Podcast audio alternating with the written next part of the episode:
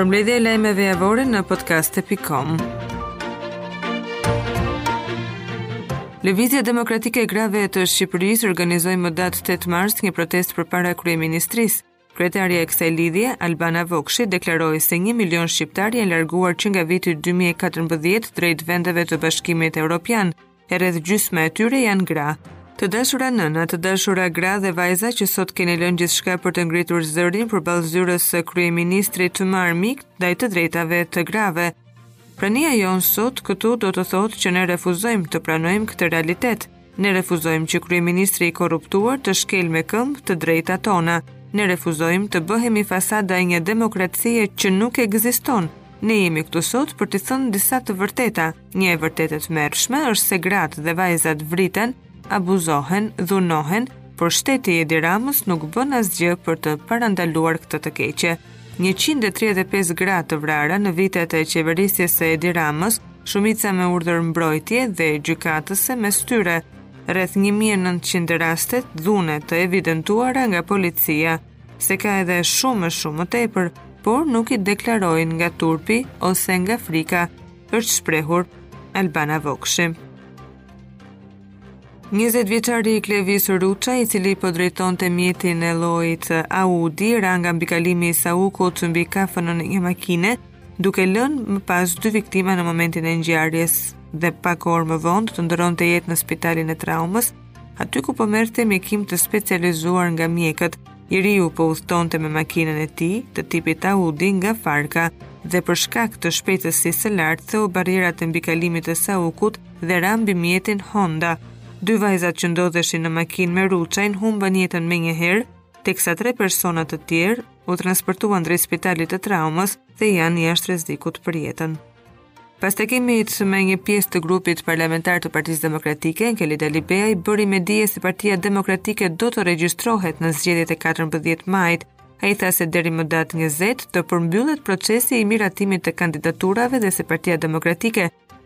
do të ndjekë të gjitha procedurat dhe dokumentacioni do të dorëzohet pranë Komisionit Qendror të Zgjedhjeve.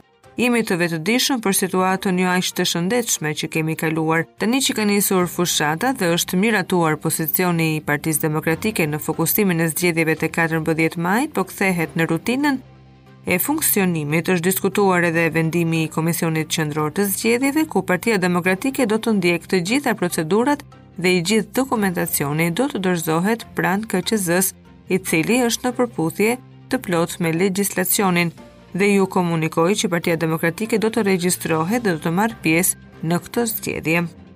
Prokuroria e Posaçme kundër Korrupsionit dhe Krimit të Organizuar SPAK ka reaguar lidhur me procedimet dhe veprimet kundrejt ish ministrit Arben Ahmetaj. SPAK sqaron se në lidhje me veprimet e kryera nga Arben Ahmetaj është vendosur ndarja e çështjes penale duke u regjistruar procedim penal. Ky procedim penal është hetuar nga prokurori Klodian Braho dhe është ndarë si procedim penal më vete, para se prokurori Ened Nakuçi të bëhej pjesë e grupit hetimor për procedim penal. Në njoftim shtohet se SPAK kundërshton çdo tentativë për intimidim dhe sulme personale ndaj prokurorëve të posaçëm, që synon t'i kufizojë ata nga kompetenca dhe përgjegjësia e tyre për të ushtruar ndjekjen penale sipas kushtetutës dhe ligjit. 12 shefa të sektorit të krimit ekonomiko financiar janë pezulluar me afat nga detyra Nga drejtori i përgjithshëm i Policisë së Shtetit, kjo masë ka ardhur si pasojë e mungesës së rezultateve në goditjen e evazionit fiskal, paligjshmërive në fushën ekonomike apo goditjen e korrupsionit. Shefat e sektorit të krimit ekonomik në drejtoritë vendore të policisë janë pezulluar nga detyra me urdhër të drejtorit të përgjithshëm të policisë, Muhamet Rrumbullaku. Ky vendim erdhi gjatë një takimi me ministrin e Brendshëm Bledi Çuçi dhe 12 drejtorët e qarqeve. Sipas Rrumbullakut, pezullimi i shefave të krimit ekonomik ka ardhur për shkak të mungesës së efikasitetit të këtyre strukturave dhe për të mospërmbushjen e pritshmërive në luftën kundër evazionit fiskal, paligjshmërive në fushën ekonomike apo goditjen e korrupsionit. Pezullimi i zyrtarëve policorë do të jetë për një afat dyjavor deri në krijimin e strukturës së re policore. Për gati pesë orë, gjykata kushtetuese ka shqyrtuar kërkesën e një grupi deputetësh të Partisë Demokratike për shfuqizimin e bordit, i cili prej një viti cakton çmimet e karburanteve në vend. Përfaqësuesi ligjor i Partisë Demokratike Marash Logu argumentoi se me ngritjen e bordit është cënuar konkurrenca dhe liria e veprimtarisë ekonomike, por anëtarë të bordit u shprehën se qëllimi i vetëm ka qenë mbrojtja e qytetarëve nga abuzimet me çmimet e karburanteve. Nga dera e gjykatës, deputetët Dhurata Çupi dhe Dashnor Sula thanë se ky institucion nuk ka mbrojtur interesat e qytetarëve, por të oligarkëve. Lufta kundër kultivimit të kanabisit mbetet ende një sfidë për institucionet shtetërore objektivat për të zeruar fenomenin ndër vite janë shpallur si prioritet i punës por në realitet është dëshmuar se harta e kultivimit nuk ka ndryshuar. Në tryezën e Task Forcës për kanabisin në prefekturën e Shkodrës u pranua se viti 2022 shënoi rritje të sipërfaqes të kultivuar me kanabis. Viti 2022 shënoi një rritje të hartës të kultivimit të kanabisit. Këtë e kanë pranuar vetë titullarët e institucioneve në tryezën e Task Forcës për kanabisin në prefekturën e Shkodrës.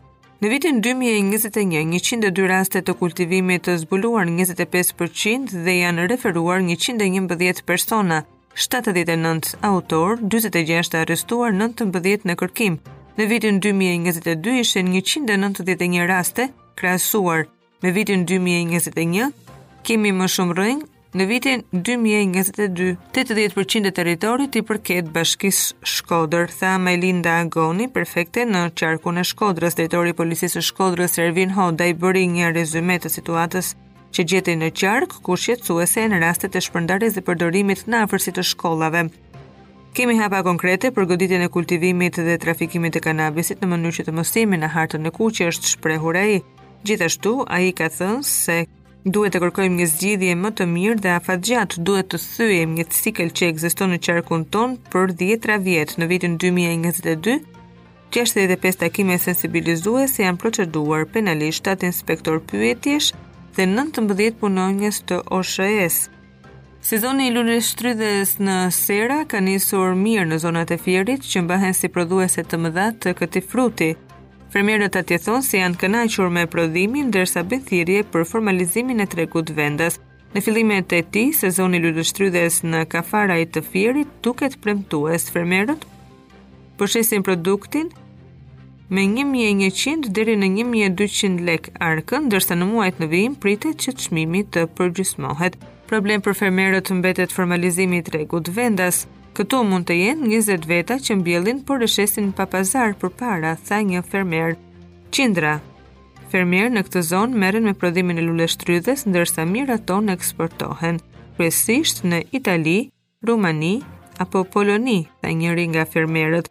Fermerët kanë pohuar gjithashtu se lufta në Ukrainë ka bërë që Rusia të mos renditet më në listën e vendeve ku luleshtrydhja e Kafarajt